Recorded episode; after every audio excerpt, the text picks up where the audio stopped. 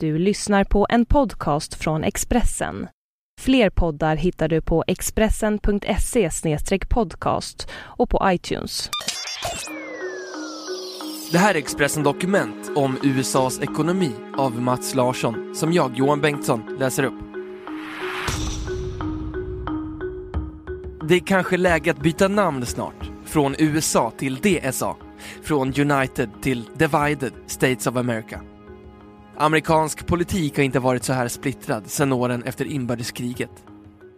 Det riskerar gång på gång kasta in en hel värld i kaos. President Barack Obama har själv en del av skulden att det blev så här. Det hade inte skadat om han var lite mer social.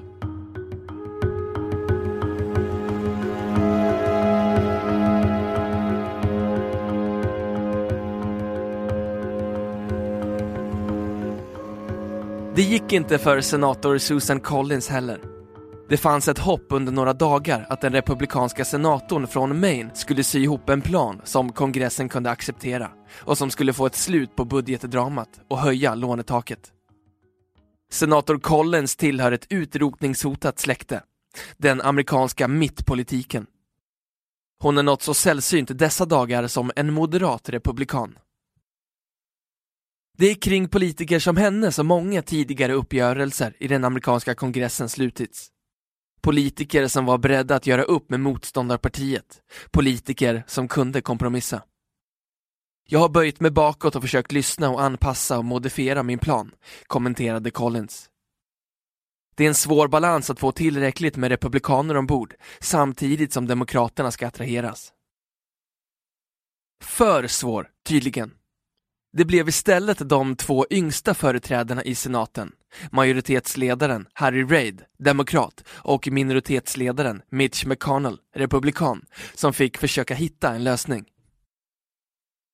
En hel värld håller tummarna för att de lyckas och att lånetaket höjs imorgon så att USA kan fortsätta betala sina räkningar.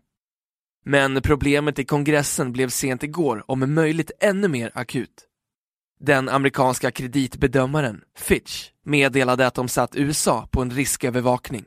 USA kan förlora sin AAA-status om en överenskommelse inte nås snarast. En nedgradering får direkta konsekvenser för räntor och den amerikanska ekonomin. Vad som händer om de inte kommer överens vet egentligen ingen eftersom vi aldrig befunnit oss i den situationen tidigare. Kina, som sitter på stora mängder amerikanska statspapper, muttrar att USAs politiker missköter sitt uppdrag så illa att det är dags, för att citera Kinas statliga nyhetsbyrå Xinhao, att citat “bygga en avamerikaniserad värld”. Slutcitat. Och den bistra sanningen är att även om en uppgörelse nu kommer i sista stund så lär det inte dröja många månader innan USA står inför nästa kris. Landet har dansat på avgrunden åtskilliga gånger förr under president Barack Obama. Konfrontationerna, bristen på kompromisser och kortsiktiga lösningar har blivit det nya normaltillståndet. Det är en bitter ironi för en president som slog igenom på den nationella scenen med ett hyllat tal som efterlyste ett USA som inte var så polariserat. Kommentatorerna brukar dela och tärna upp vårt land i röda stater och blåa stater, sa Barack Obama 2004 inför Demokraternas konvent. Men jag har nyheter för dem. Vi är ett folk. Alla svär trohetseden. Alla försvarar vi United States of America. Så blev det inte riktigt. Det röda USA blev istället än rödare. Det blå än blåare. Den politiska kris som USA just nu genomlever är bara det senaste uttrycket för ett land med en allt mer splittrad väljar och politikerkår. Det är inte första gången som den federala staten stängt ner på grund av att kongressen inte kommit överens. USA upplevde något liknande 1995 och 1996 då demokraten Bill Clinton var president och republikanen Newt Gingrich var talman i representanthuset den ena av kongressens bägge kammare. När Clinton vann 1992 så valdes 79 republikaner in i representanthuset från valdistrikt som samtidigt röstat på Clinton i presidentvalet. Det motsvarade en tredjedel av hela den republikanska partigruppen. Men när president Obama segrade 2012 så blev bara 17 republikaner invalda i representanthuset från distrikt som samtidigt hade röstat på den demokratiska presidenten, mindre än 10% av partigruppen. Om man tittar på vilka som valde Obama och vilka som valde Republikanerna i representanthuset så finns det nästan ingen överlappning längre, säger statsvetaren Gary Jacobson vid University of California i San Diego till Washington Post. De har två helt olika väljargrupper att tacka sina segrar för. På 80-talet, en nog så polariserad tid när republikanen Ronald Reagan var president, så delade en fjärdedel av väljarna på sina röster. De kunde till exempel rösta på Reagan i presidentvalet, men en demokrat i senats eller representanthusvalet. År 2012 var det bara 11% som delade upp sina röster på det viset. De allra flesta röstade istället på samma partifärg i alla val. Det finns också en växande geografisk skillnad. Demokraterna vinner i städerna, Republikanerna tar hem sina röster i förorterna och framförallt ute på landet.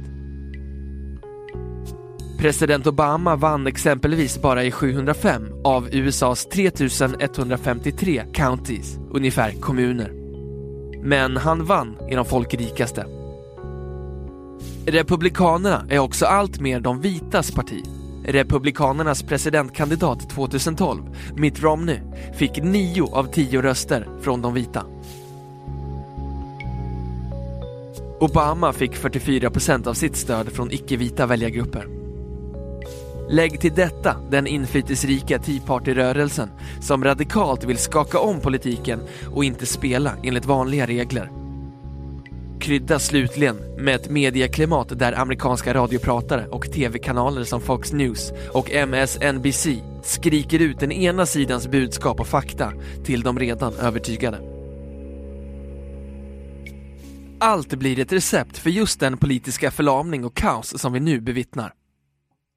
Hur bygger man en koalition kring mitten när det inte finns någon mitt där ute? Säger statsvetaren Alan Abrahamovich vid Emory University till Washington Post. Om man vill sträcka ut handen över mittgången så måste man sträcka sig ganska långt nu, säger han. Den mest konservativa av demokrater röstar idag i regel till vänster om den mest moderata republikanen. Statsvetare som mäter hur amerikanska politiker röstar har inte sett sådana här gap sedan tiden efter det amerikanska inbördeskriget. Så vad hände med president Barack Obamas vision av ett USA mindre målat i rött och blått och mer, så att säga, i lila? En hel del av skulden faller onekligen på republikanerna i kongressen. Det känns ofta som om de motarbetat presidenten vid varje sväng, varje böj. Men amerikansk politik handlar inte bara om att ha de smartaste idéerna och de klokaste förslagen och att få igenom dem. Det handlar också om att bygga relationer med motståndarlägret. Makten är ofta delad. Sjukvårdsreformen är ett bra exempel. Det var onekligen en seger för Obama att han fick igenom reformen i kongressen 2010. Men det var en kongress där Demokraterna var i majoritet i bägge kamrar och Obama fick inte en enda republikan på sin sida. Inte en enda. Det var ur detta som Tea Party-rörelsen föddes. Det var också där grunden lades till den seger Republikanerna vann i representanthuset 2010. En seger som i ett slag försvagade Obama. Det hör till traditionen att presidenten ringer upp den blivande talmannen och gratulerar. När Vita huset ville ringa republikanen John Boner på valkvällen i november 2010 så hade de inte ens något telefonnummer till honom. Det säger en del om deras personliga relation. John Boner hade varit minoritetsledare under Obamas första två år som president, men de hade aldrig träffats på tu man hand. Det första mötet ägde rum i juni 2011, när lånetaket spökade för första gången men det hade onekligen funnits tillfällen tidigare att sammanstråla. Ett av de redskap som presidenten har är att bjuda vem han vill på en golfrunda, säger Trey Grayson vid Harvard University Institute of Politics till Boston Globe. Men Obama använde golf för ren avkoppling. Han hade inga personliga relationer tidigare eftersom han var ny i Washington Men han har inte utvecklat dem som president heller. Obama har spelat golf 150 gånger som president. Bara fyra gånger har han bjudit in kongressledamöter. Två av dem har varit republikaner. Om Obama har dåliga personliga relationer med Boner så är de ännu sämre med Mitch McConnell, senatens minoritetsledare och en av huvudfigurerna när budgetdramat nu antagligen går mot en lösning. De har träffats två gånger på tu man hand. Obama lyckades feldöpa honom till Mike en gång. Newt Gingrich och Bill Clinton var inte precis några vänner, men de hade ett rätt stort antal privata möten. Republikanen Lindsey Graham är en senator som ibland samarbetat med presidenten. Han tycker också att det är synd att inte Obama träffat sina politiska motståndare oftare. Historien kommer inte att handla om att republikanerna säger nej.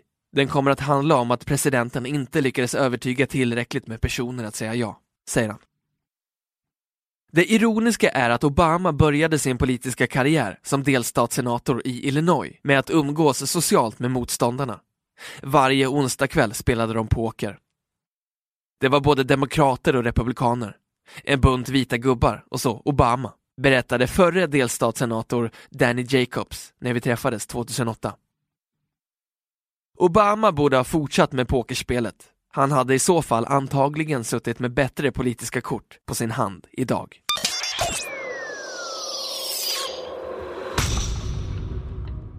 Du har lyssnat på en podcast från Expressen. Ansvarig utgivare är Thomas Mattsson. Fler poddar finns på Expressen.se och på iTunes.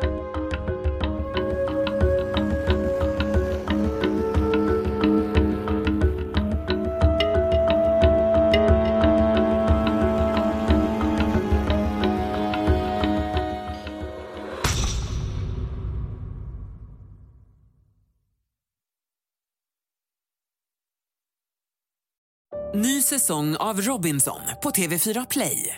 Hetta, storm, hunger. Det har hela tiden varit en kamp. Nu är det blod och tårar. Fan händer just nu. Det. är Detta är inte okej. Robinson 2024, nu fucking kör vi! Streama söndag på TV4 Play.